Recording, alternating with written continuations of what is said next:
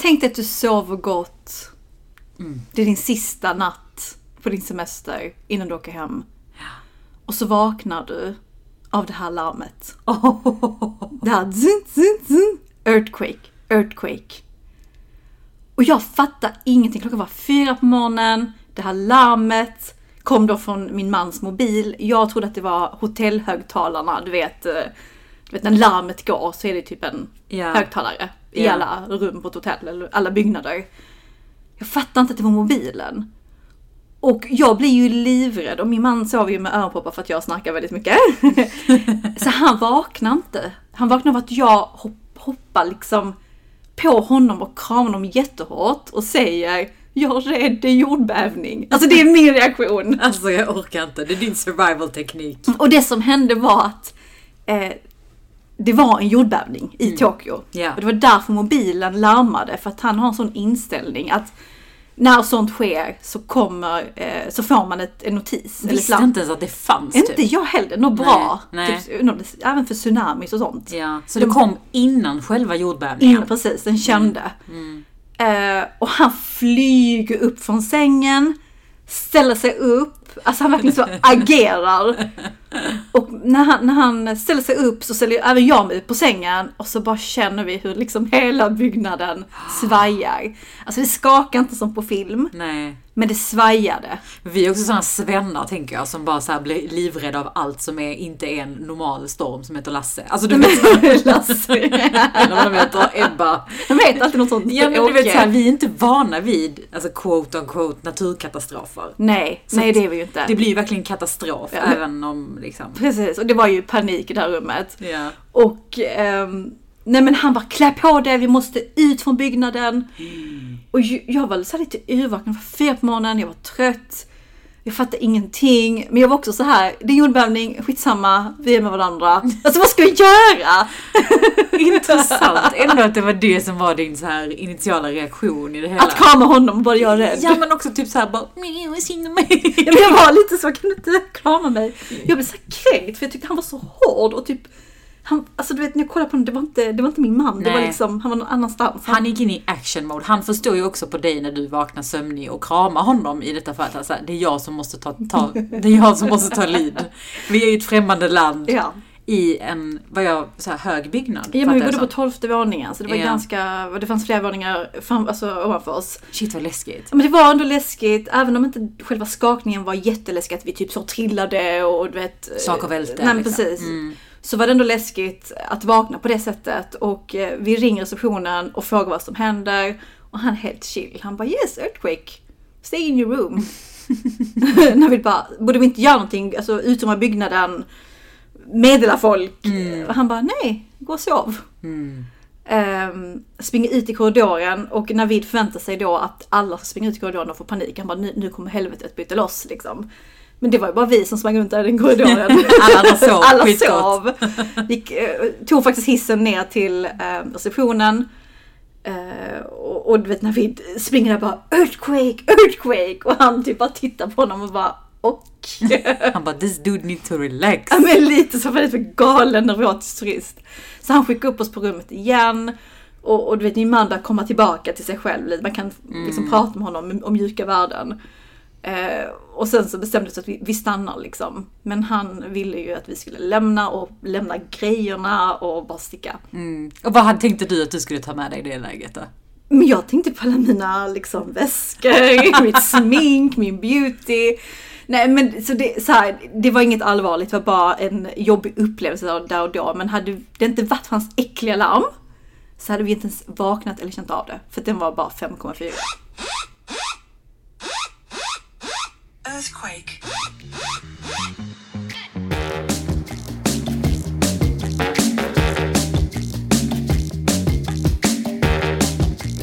Men det, jag tycker ändå det är lite intressant nu när vi ändå är inne på katastrofsituationer. För det här var ju ändå en typ en... Ja, emergency. Ja, alltså så. Precis.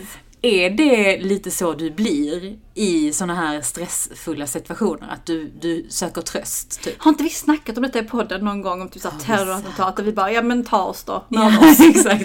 Eh, jo men jag tror att det är min eh, reaktion. Att jag söker trygghet och att jag typ lite ger upp. Ja. vid sådana situationer. Det för, för det var liksom. inte så att jag flög upp från sängen och packa dina väskor, nu ska vi vakna och lämna byggnaden. Sen jag var Nej. mer så här. Ja, nu dör vi. älskar dig! Ja. Tack för dessa år. Vi dör här nu, jag och du och en bebis i magen. Det var hemskt. Usch. Nej men alltså det är verkligen intressant att tänka på hur man är. För, för att man har också en bild av hur man vill vara. Alltså man har ju sett många filmer av Vill man vara Rambo Ja, liksom? men man vill vara den där Will Smith i den där, du vet, eh, Ja.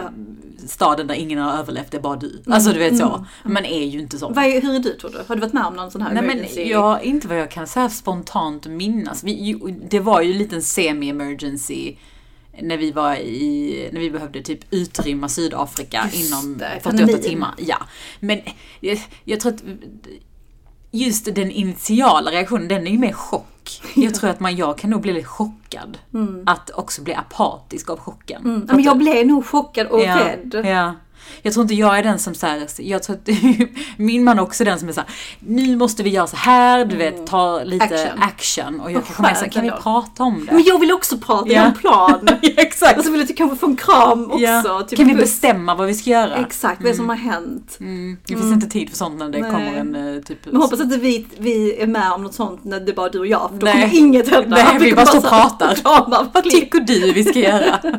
Sen kliar varandra i håret. Ja. Kram! Nej men jag tror också att man tar olika roller beroende på i vilken situation man är i. Ja, jo. Alltså jag kan också tänka mig att hade jag varit i en situation där, där jag liksom kan inte behöva luta mig tillbaka på samma sätt som jag kanske gör när jag är med min partner som jag vet är sån. Så kanske jag hade behövt hoppa in i den rollen. Mm, Alltså, men jag tror att man. Situationsanpassat. Ja men lite Vi så. får hoppas det. Situationsanpassat ledarskap kallas det. Just det. Men nu är du tillbaka från semestern. Ja, I'm back. Ja, hur var Japan? Alltså det var helt underbart. Alltså jag har inga ord. Nej. Jag älskade landet. Ja, du har ju varit där innan men du fick en annan upplevelse nu. Ja, alltså jag var, ju, jag var ju där 2015, typ så här onsdag kväll till söndag morgon när jag var student och pluggade i Hongkong. Så det var så här weekend trip när man levde på CSN. Mm. Man var så kulturellt begåvad och intresserad, man ville bara festa. Så jag fick, jag tror att... Och sen så var jag ju med, med vänner som var mina kompisar i Hongkong men som kanske inte är liksom Alltså den innersta klicken, förstår du? Så det blir en Ja. helt annan grej när man reser med sin man eller sina bästa kompisar eller sin familj. Mm. Och nu så reste vi runt i hela Japan. Vi var på fem ställen typ. Så det var en helt annan grej att uppleva och äta gott och... Ja, det bara var så nice. Mm. Det kan verkligen rekommendera det. Men jag tänker att jag kan... Vi kan prata mer om det sen, jag vill prata mer om dig. Jag, jag tror många vet nyfiket. Ja men detta är ändå så här vår första podd sen... Men vi har ändå spelat in lite förhandsinspelade avsnitt. Så Ja. jag tror ändå vi behöver ge en update. Du behöver ge en update. Mm. Jag har ju fått en bebbe. Mm. En liten bebis. Ja, som heter... Athena. Åh, så fint. Mm. Nej men det är verkligen eh, sjukt att sitta här nu för det här är första gången jag är ifrån henne en längre period. Ja, alltså jag blev lite kränkt för jag trodde hon skulle följa med. Ja men och det kommer hon säkert få behöva göra någon gång när vi Kommer poddar. du helt själv här så luftig? Jag bara, fan är du? Man duger ju inte själv längre när man får barn. Nej men alltså just faktiskt för att jag, jag kände att jag vill också testa så hur det är att vara ifrån henne. Nu kommer det här ju bara vara typ en timme max. Men det är ändå stort gumman. Ja men det har bara gått några veckor så att det är något så. Men hon är, hon är matad och bra hos sin pappa och jag testar läget. Telefonen är på ifall det ringer. Ja, bra. Men liksom det är ju väldigt speciellt att Ja, men du vet, man hör ju så mycket om hur det är att bli förälder och hela den här grejen. Oron som infinner sig, att man förändras alltså i sin inställning och sådär. Och jag fattar ändå det. Mm. Jag Men känner vi- att det finns ett innan och det finns ett efter. Det är så alltså. Ja men jag gör faktiskt det. Men som vi backar bandet, när kom hon? Nej men hon kom ju strax, eh, men typ dagen efter du åkte till Japan. Mm. Eh, planerat kejsarsnitt så det var ingen chock. liksom att hon Men kom. ändå. Men vi var ju väldigt så förberedda, vi var jättenervösa kvällen innan. Du vet vi satt så här, tände ljus och pratade om hur det skulle bli och imorgon Vad händer det. Ja det var jättemysigt. Men vi var också väldigt, alltså den morgonen, på tal om hur man blir i paniksituationer, så var ju vi alltså så spända. Så jag har nog aldrig varit så nervös i hela mitt liv. Mm. Men samtidigt inte nervös i form av liksom att det är en jobbig känsla utan mer så här excited. Ja men du vet resepirret fast gånger 50. Mm, wow, vad coolt. Så att, nej men vi... eh, kör in till Malmö sjukhus och liksom signar in oss. Så jävla absurt. Vi kommer där med våra resväskor. Jag har gravidkudden under armen. Eh, eller amningskudden under armen och bara så här, ja men typ så här, okej jag ska skriva in mig här nu, vi ska få en bebis. Mm. Och då var klockan tidigt. Jättetidigt på morgonen. Eh, och vi visste inte vilken tid vi hade fått utan det är liksom lite så att man skriver in sig, man är kanske, jag tror man är tre, fyra stycken som kommer samtidigt. Och sen får man en operationstid. Eh, man vet att det kommer ske den Är det dagen. först till kvarn eller är det Nej, jag vet, jag vet inte hur de väljer, men Nej, vi fick ganska snabbt reda på att vi var där först ut. Hur Liksom. kändes det då? Jättepirrigt, för vi hade liksom precis kommit till ett rum och bara kände, "Åh, du vet, vad fan ska hända? Grejen var att vi precis också fick ett delat rum med ett annat par Okej. eh, när vi kom till sjukhuset. Vilket, alltså det är så sjukt hur man, hur man hur jag kan vara en sån person som ställt in mig på någonting. Att i min fantasi och i min värld så skulle vi ha ett eget rum. Men så kommer vi då till en situation där vi är delad med någon annan. Jag fattar ändå det. Och jag bara kände att nej men nu kommer allt förstöras. Alltså du vet, det är den Mm, det var inte en del av planen. Det var inte en del av planen. Men det gick att lösa sen eh, hur som helst ändå. Vi har fantastisk sjukvård här i Sverige. Det vill jag också skicka med till alla gravida där ute som har skrivit till mig och är jätteoroliga och bara Mm. åh jag vet inte hur det kommer gå. Man- Alla har sina egna upplevelser men min upplevelse var väldigt fin. Mm. Så bra att du skickar med den, för det är Mm. väldigt sällan jag nu som fortfarande är kvar i det här gravid, eh, säga träsket, inget träsk, men Mm. gravidfasen, alltså det är väldigt ofta man får höra negativa stories. Ja. Eh, som också såklart förtjänar den uppmärksamheten. Men det gör ju också att, tror jag, detta är min egna personliga åsikt, att många som har positiva stories känner att "Nej, men jag kan inte lyfta detta för att Det är synd om, det är synd om eh, de alla andra. Mm. Vilket gör att man aldrig får höra det positiva, vilket skapar en onödig rädsla, oro, nervositet. Ja, ja. Som man kanske inte bör ha. Så skitbra att du lyfter det. Ja men jag tycker ändå att man behöver höra det för att jag är väldigt tacksam för det också på samma Mm. Ja. sätt. Eh, så att, nej, men det var en väldigt fin upplevelse. Alltså kejsarsnitt är ju i grund och botten en operation. Och det är klart att jag visste det, men det var ju väldigt liksom, men du vet operationskläder, min man hade sån här du vet hatt på, Som typ, vad heter den serien? Åh, vad heter den? Scrubs typ. Nej, eller den andra. Grey's Anatomy. Ja. ja, det finns massor av sjukhus. Kändes det som. Ja men verkligen så här, det var, alla var inne i rummet, det var kanske 10 pers inne i rummet. Stab alltså. Eh, det var operationssköterskor, det var narkosläkare, det var förlossningsläkare, det var barnmorskor. Så det liksom läkare till mig, läkare till barnen. Mhm. Eller barnet, inga tvillingar.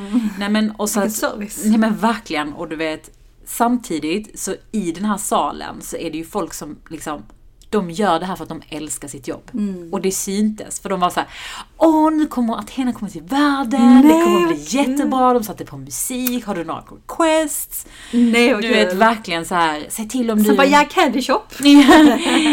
Take me to the candy shop. Nej, så olämpligt.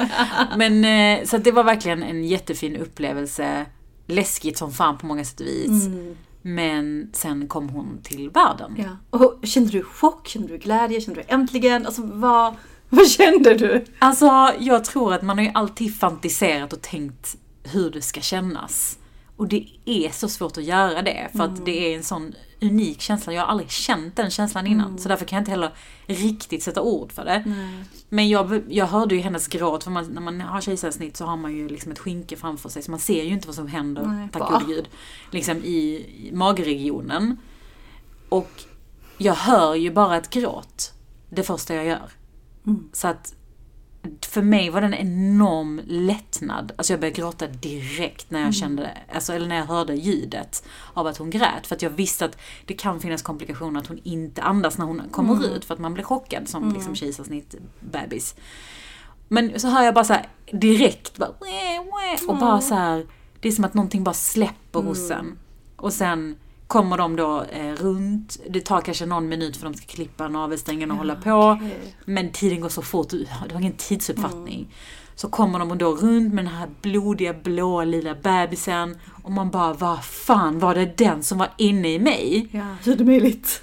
Och verkligen så här, jag säger den för att det är verkligen lite så det känns, att det är någonting främmande som du aldrig har lagt ögon på tidigare. Som du nu också såklart känner en anknytning till, men inte så att så, ja men det där är ju hon. Förstår du vad jag menar? Det är ändå en främmande grej. Gud ja. Så min Första första liksom, initiala känsla är chock. What the fuck? Vad hände? Har jag en bebis nu?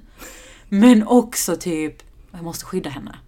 Alltså jag måste bara, jag ville bara liksom att Ta henne. ta henne och bara, nu är du min. Mm. Men jag kan inte säga att jag kände, du vet den här kärleken. Rosa moln och blommor nej, som, eh, Nej, det nej. var inte det. Men det betyder inte att det var något negativt. Utan Nej. mer bara att jag tror att det var evolutionärt det här att jag måste skydda henne. Du vet, så här, bort. Och, och din man connectade med honom, du bara sket i honom och tänkte på bebisen. Alltså han ni liksom, Nej, men- ger man en blick eller bara wow, kolla vad vi skapat. Han var ju bredvid mig så jag visste att han var där. Hans Ja. energi var ju där. Ja, Men nej, Nej, det var det var bara du och hon Det var då. Mm. verkligen som ett vakuum. Jag kan inte minnas någonting annat. Sen kom liksom, jag fick typ ge henne liksom en väldigt liten eh, så här, puss typ. Och sen Ja. så behövde de ta henne till eh, bordet för Ja. att så här, se till så att hon andades ordentligt, mäta henne, alla de här grejerna. Mm.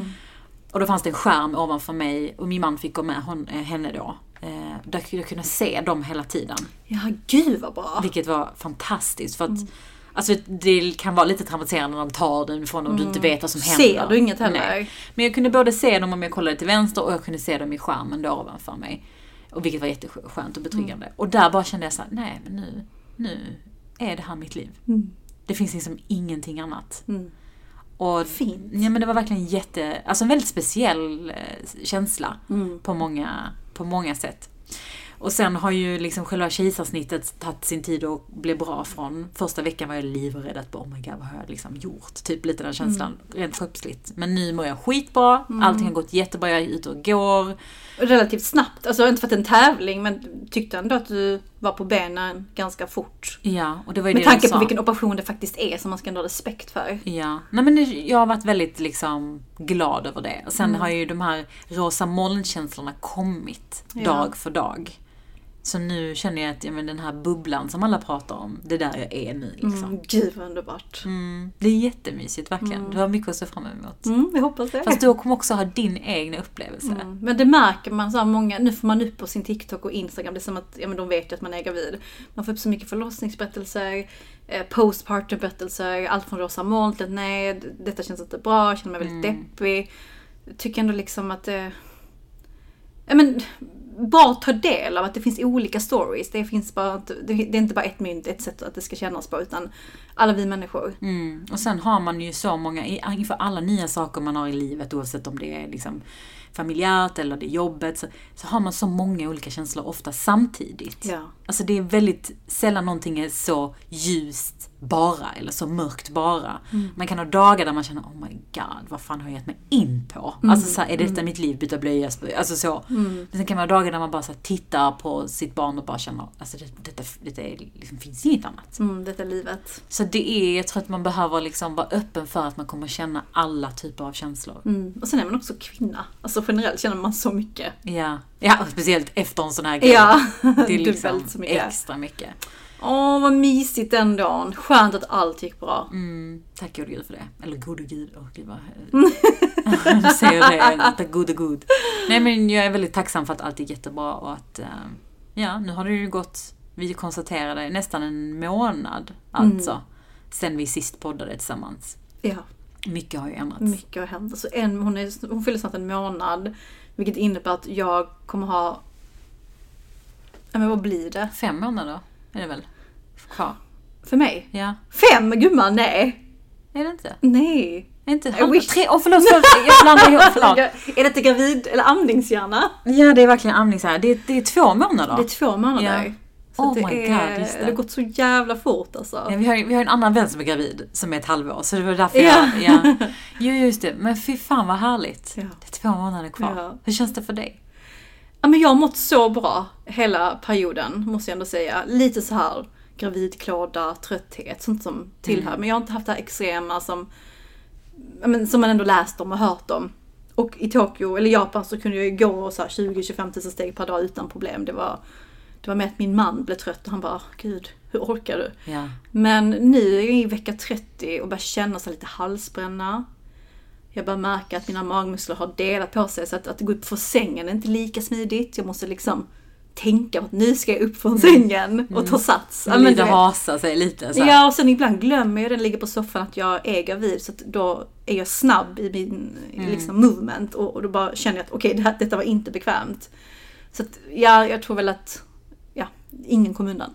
Nej, det ska inte vara sån. Mm. Men jag mår ändå bra, det gör jag. Jag ska absolut inte klaga. Ja, och det är helt okej om du klagar också. Ja. Alltså snälla, det är den största omvandlingen i kroppen som bara kan ske. Liksom. Det är inte konstigt att man känner saker. Mm. Alltså någonting som är sjukt dock är att när jag ligger ner, jag kan inte ligga lågt på kudden som jag kunde göra innan. Att jag, hade en, Mm. jag har liksom en kudde, nu sover jag med två kuddar. Och det är för att jag måste komma upp, fan ska inte jag andas? Alltså det är som att jag kvävs. Ja, ja. Alltså jag blir, jag blir typ röd i ansiktet. Alltså, Mm, får alltså, inte luft riktigt. jag får inte luft. Nej men du har ju ett tryck som, som liksom trycker mot... Och för mig var det så här, oh my god, är det detta folk menar?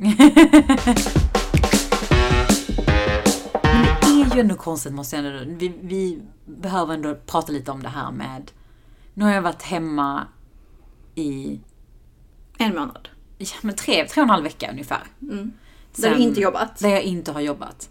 Där jag har liksom varit hemma med, med bebis och bara tagit hand om henne och alla hennes behov och du vet så här, verkligen varit sekundär på många sätt och vis. Men jag slås ju ändå av den här känslan av att ah, okej, är det så här det är att vara föräldraledig? För vi har ju pratat så sjukt mycket om det. Ja. Alltså hur ska vi planera? Hur ska vi göra? Ska vi vara Kommer hemma? man kunna stänga av? Ja, liksom så här, vi har ändå haft en, liksom varit karriärsmedvetna, nu säger vi hela tiden men du är inte där än. Men alltså, vi, vi har alltid snackat om det i den, på det Ett helt sättet. avsnitt har vi om just det här Ja, ämnet. precis. Men nu så är jag i det och tänker, jag har ju sagt från början att jag vill vara hemma i alla fall ett halvår, ge det ett halvår. Ja. Mm. Vad tog det? Vad gick det? Tre och en halv vecka? Nej, men, Nej, och jag kände direkt såhär, men ska jag ta något litet uppdrag, vet när hon sover eller så. Men jag går hela tiden, pendlar hela tiden fram och tillbaka i tankarna för att jag vill samtidigt också bara låta, kanske ska låta det landa innan jag tar ett beslut. Ja, i alla fall tre månader. Ja men jag sa ju ett halvår, så varför ger jag inte det bara ett halvår? Så jag menar. Mm. Så att jag, jag, jag, jag tänker att man har ju så mycket känslor i sin kropp i det här läget. Man är ju inte sig själv. Nej, okej. Så jag tror att det inte är så bra att ta stora viktiga beslut. Nej, kanske inte efter tre och en halv vecka. Men jag tänker så här, om du känner att alla har olika bebisar. Eh, och Athena verkar ju ändå väldigt nöjd och äh, här, duktig. Alltså verkligen. Eh, och känner du efter tre månader att men fan, jag kan lägga tio timmar i veckan på någonting. Alltså du ska ju inte så här, nej nu sa jag ett halvår därför ska jag Nej. lida här. Nej. Jag tror mycket så här, happy mom, happy kid. Ja, det är det viktigaste att man känner att man är lycklig och man kan ta tiden. Jag känner också att jag har sommaren framför mig och allt vad det innebär. Ja. Så jag, jag behöver ju också lite sån tid. Ja. Sen på tal om det, man är inte superskarp alltid i sin hjärna heller. Det måste Nej. man också komma ihåg. Man kommer ihåg kvällar man inte sover, kan man liksom så här tänka. Ja. Men, men det ska verkligen bli spännande att se hur... Hur länge man kan hålla sig ifrån. Ja. Men öppnar du mejlen och kollar Men det gör jag hela tiden. Jag Finns kollar mejl hela tiden.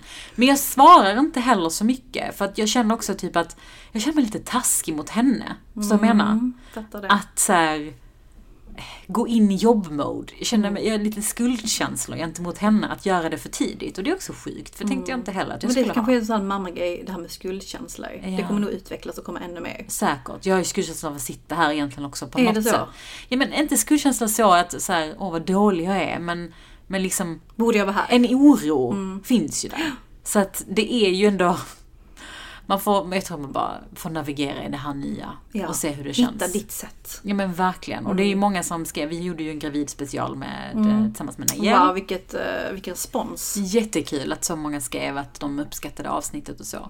Tack. Mm, tack. Men det är också många som har skrivit att men gud vad skönt att höra era tankar kring det här och att låt oss bara påminnas om hur olika folk faktiskt är. Mm, olika liv. Verkligen. Och det går inte att säga så att men hennes sanning är min. Utan man får bara inspireras av varandra och pick and choose det som funkar för en själv. Mm, tycker jag faktiskt är skitbra. Skitbra tips. Ja, jag tänker det. Men det var en liten update i alla fall från var vi står just nu. Mm. Finns det liksom ups and downs? Generellt? Eller du, du ser mer liksom att du bara navigerar igenom? Nej, det är inte några... finns jättemycket ups and downs. Jag har dagar där jag är så här. Oh my god vad tråkigt detta är. Är det så? Ja, jag hade en dag häromdagen eh, för någon, nej men några dagar sedan. Kommer inte ens tidsuppfattning om det var en vecka eller två veckor. Men där jag bara känner så här, men gud, du vet, för att alla jobbar ju. Mm. Och det är ju... Du är själv rätt mycket och du gör samma sak dag in och dag ut. Mm. Och jag tänkte så, gud är det det här det är? Men tror du, det tror du att det kommer bli kul, eller mer kul sen när jag komma in i bilden. Jo, det tror jag absolut. Det kommer hjälpa lite. Ja, Mm. du sa också min barnmorska Timma så här, det finns föräldragrupper ni kan göra saker tillsammans. Jag bara, nej jag behöver inte föräldragrupper, jag har min, I got my crew. Typ så. Den kommer snart. Ja, men eh, jag tror att det gör mycket. Jag tror att det är viktigt att försöka ge sig ut. Ja. Eh, jag har ju satt mig själv i många situationer där jag typ så här, jag har typ behövt byta blöja kanske i en konstig situation. Mm. Bra. För att utsätta mig sj- själv för det. Ut med vagnen och liksom så. Blir du svettig och varm då när det blir stressigt? Ja, ja. och man blir det. Man, man blir ju det. För man. Mm. men du måste bara lösa det. Alltså du har ett, en bebis med ett behov som kommer före allt annat. Mm. Så du kan liksom inte bry dig om hur du ser ut eller hur du ska bära väskan. Och du får bara så här, navigera i det själv. Ja. Men, men sen har jag dagar där jag bara vaknar och bara känner, fy fan vad livet är nice. Så det går verkligen upp och ner. Mm. Och de ska man leva på de stunderna. Så bara för det andra bara följa med. Mm. Jag tänker och få också. lite space. Men sen så inställning. Ja, 100% inställning. Men också till de där ute som kanske känner att Nej, men det här är inte som jag tänkt mig eller vad som helst. Jag tror att jag, man får väldigt ofta höra som gravid och även som nybliven förälder att man ska njuta. Men om du känner igen det? Jo, jag själv säger det. Ja, och, Njut. folk säger ju det av välmening. Men jag vill också ta, att folk ska ta med sig det lite grann. Att det är väldigt svårt att njuta på beställning. Det är sant. Alltså det är väldigt svårt att säga till någon Njut. njut, älska, må bra eller må dåligt. Alltså du kan inte säga, för njuta är ju någonstans en känsla. Det är ju någonstans någonting du gör för att du känner någonting. Det är ingenting som någon kan säga till dig att du ska känna. Så att jag tror den, man behöver bara landa i det själv. Och när du själv njuter så njuter du. Du behöver inte känna stress att jag måste njuta av detta nu för att alla säger att jag ska njuta. Alltså, Men det kan nog vara bra att plocka bort den stressen att nu, jag måste känna att detta är jättehärligt, jag måste känna att detta är si eller så. Exakt. För att samhället säger, utan istället så här, låta känslorna bara känna. Alltså så intressant. Jag var på bio i helgen och såg den här filmen Air som Ben Affleck har eh, directat, säger man så? Regisserat. Med Matt Damon och lite olika personer. Som handlar om eh, Nike back in the days när de inte var så jättecoola. Och det är så intressant för när man jobbar då med marknadsföring så tänker man ofta så här Nike, Apple, Amazon, att det är liksom, de är ju gigantiska varumärken som har lyckats. Men man glömmer bort att de började någonstans någon gång. Och på den tiden, nu kommer jag inte ihåg årtalet, så var Nike, alltså de var inte så coola. Alltså Converse var skitcoolt, Adidas var jättecoolt. Andra varumärken var jättecoola men Nike hade tappat det lite. Och det det var ju ett gammalt brand.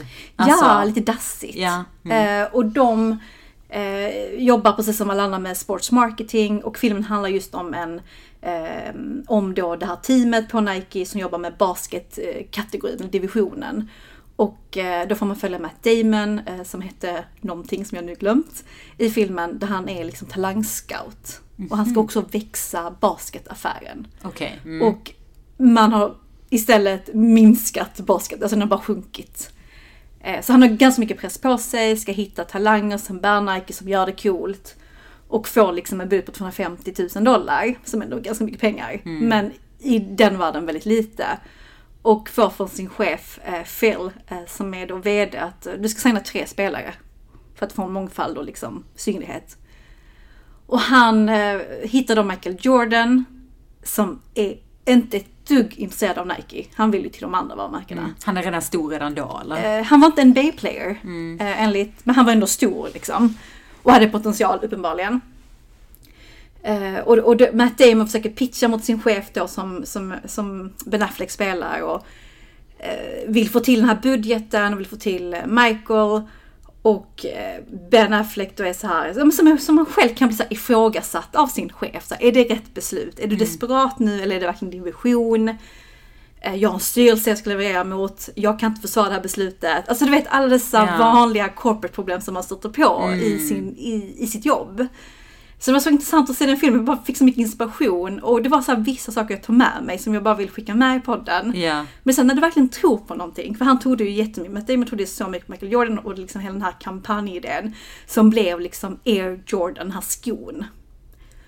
Eh, och han tog då och pitchade den, fick med sig sina kollegor, produktavdelningen, marketingavdelningen, så att de blev ett team. Eh, och det var så här, om man tror på någonting då ska man verkligen stå för det och verkligen gå all in och inte förlora egentligen. Och gå på sin magkänsla. Det var det, han hade en magkänsla och förmedlade den. Sen kan han aldrig garantera. Mm. Det hade också kunnat gå åt skogen. Verkligen. Men då vet man åtminstone att man har agerat på... Man fick, man fick veta om det blev eller inte. Alltså lite så. Ja men precis. Men även från ett ledarskapsperspektiv, den här vdn då på Nike, att han någonstans litar på sitt team. Han tyckte inte att Air Jordan var ett bra namn. Han bara, "Ja, för det får växa på mig då liksom. Men han lät produktavdelningen och, och de i teamet bestämma. Och det är liksom, det är en av deras bäst säljande skor än idag. Alltså Michael tjänar ju 400 miljoner dollar i passiv inkomst varje år. Wow. Fattar du? Mm. Av den här skon liksom. Bra deal han fick till. Verkligen. Och det var också sån grej, på tal om en annan learning, att hans mamma förhandlade åt honom. Och på den tiden så fick du inte kickback på dina samarbeten som spelare, utan du fick ditt arvode, 250 000 dollar per år, eller mer eller mindre. Men du fick inte kickback på försäljningen. Så det var också en så här nytänkande grej i branschen på den tiden, att man satte den regeln. Och, och liksom så här, våga break the rules. Ja, Det var så inspirerande. Men även så här, jag vet inte. Tydligen, alltså jag vet inte om detta är sant, men tydligen så NBA, eh, de har en regel att skon måste vara en viss färg, vit i det här fallet. Alltså så här, majoriteten av skon ska vara vit, sen får det vara lite så blått och rosa eller whatever. Och har man inte det så får man böter. Men de ville ju skapa en sko som stack ut, så de var villiga att betala den här boten. Ja. Fattar du? Fan vad coolt. Alltså det var så här, jag vet inte om det var storytelling, men det var så bra film. Jag bara fick med mig så här, fan, man ska ändå våga stå på sig. Tror man på någonting ska man säga det. Mm. Man ska söka sig till chefer som ändå litar på experterna. Ja. Eh, Det måste jag ändå eh, göra en liten shoutout till chefer som faktiskt gör det. Som litar på sitt team, som litar på folk som liksom är, är anställda för att göra ett jobb.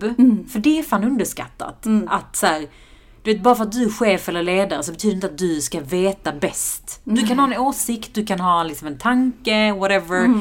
Du kan liksom och du har rätt att framföra den tanken. 100%. Kritisera. Men jag kan ändå tycka att fy fan vad mycket det gör för en om man har en chef eller en ledare som tror på en. Kombination med den här magkänslan till Mm. Exempel. Ja, men det så då kan man s- göra magi. Ja men verkligen. Och jag tror också så här att någonstans så eh, finns det ju en utmaning, kanske ofta som VD eller högst uppsatt chef, att du har en styrelse du måste leverera till och att du är pressad av dem. Men att då våga vara ödmjuk och sårbar som chef och kunna säga det. Så här, jag tror på det men jag måste bara pitcha in det här. Och det kommer bli lite svettigt. För då vet man också som medarbetare, okej men jag, vad kan jag göra för att springa den extra milen och göra det lättare för min chef? Kan jag göra bättre pitch, bättre presentation, underlag, excel-sheet, I don't know. Just den här kommunikationen, så viktig. Eh, men sen också i filmen, eh, Michael, det var inte Michaels agent som förhandlade. Lite kanske, men det var hans mamma som var beslutsfattaren i grund och botten. Någon Och- som vill dig väl. Ja, men det var också en sån grej som jag tar med mig i jobbet, att förstå vem är det som fattar besluten. Är det mellanchefen eller är det projektledaren eller är det högsta hönset? Vem är det? För att man slösar så mycket tid annars på att få med sig fel folk som ändå inte fattar de besluten. Sant. Mm. Det är nog väldigt bra också att tänka på om man jobbar med försäljning eller Gud, liksom ja. Vem typ ska du av snacka förhandling. Mm. Mm. Smart. Mm, så det var fan en skitbra film. Jag tyckte den var så bra. Så att eh, den får ni gärna se. Nej men det var väl bara en liten sån här instickspodd. Ja men en update. En update på Ja. vad som händer i våra liv. Ja. Vad sker? St- Stort som litet. Ja men inspiration till livets största händelse, eh, lite paniksituationer som en jordbävning. Men jag lever i alla fall så det är skönt. Skönt att veta att det här inte var en AI som sitter här och poddar med mig. Exakt. Nej men ha en fin måndag. Eh, och eh, tänkte säga njut, men det får man inte säga. Nej, vi bara ta bort det nu? Ha en fin måndag, tro på dig själv. Infinn dig i situationer där du har folk som också tror på dina idéer. Det och, tror jag är bra. Och bara kör. Och bara kör.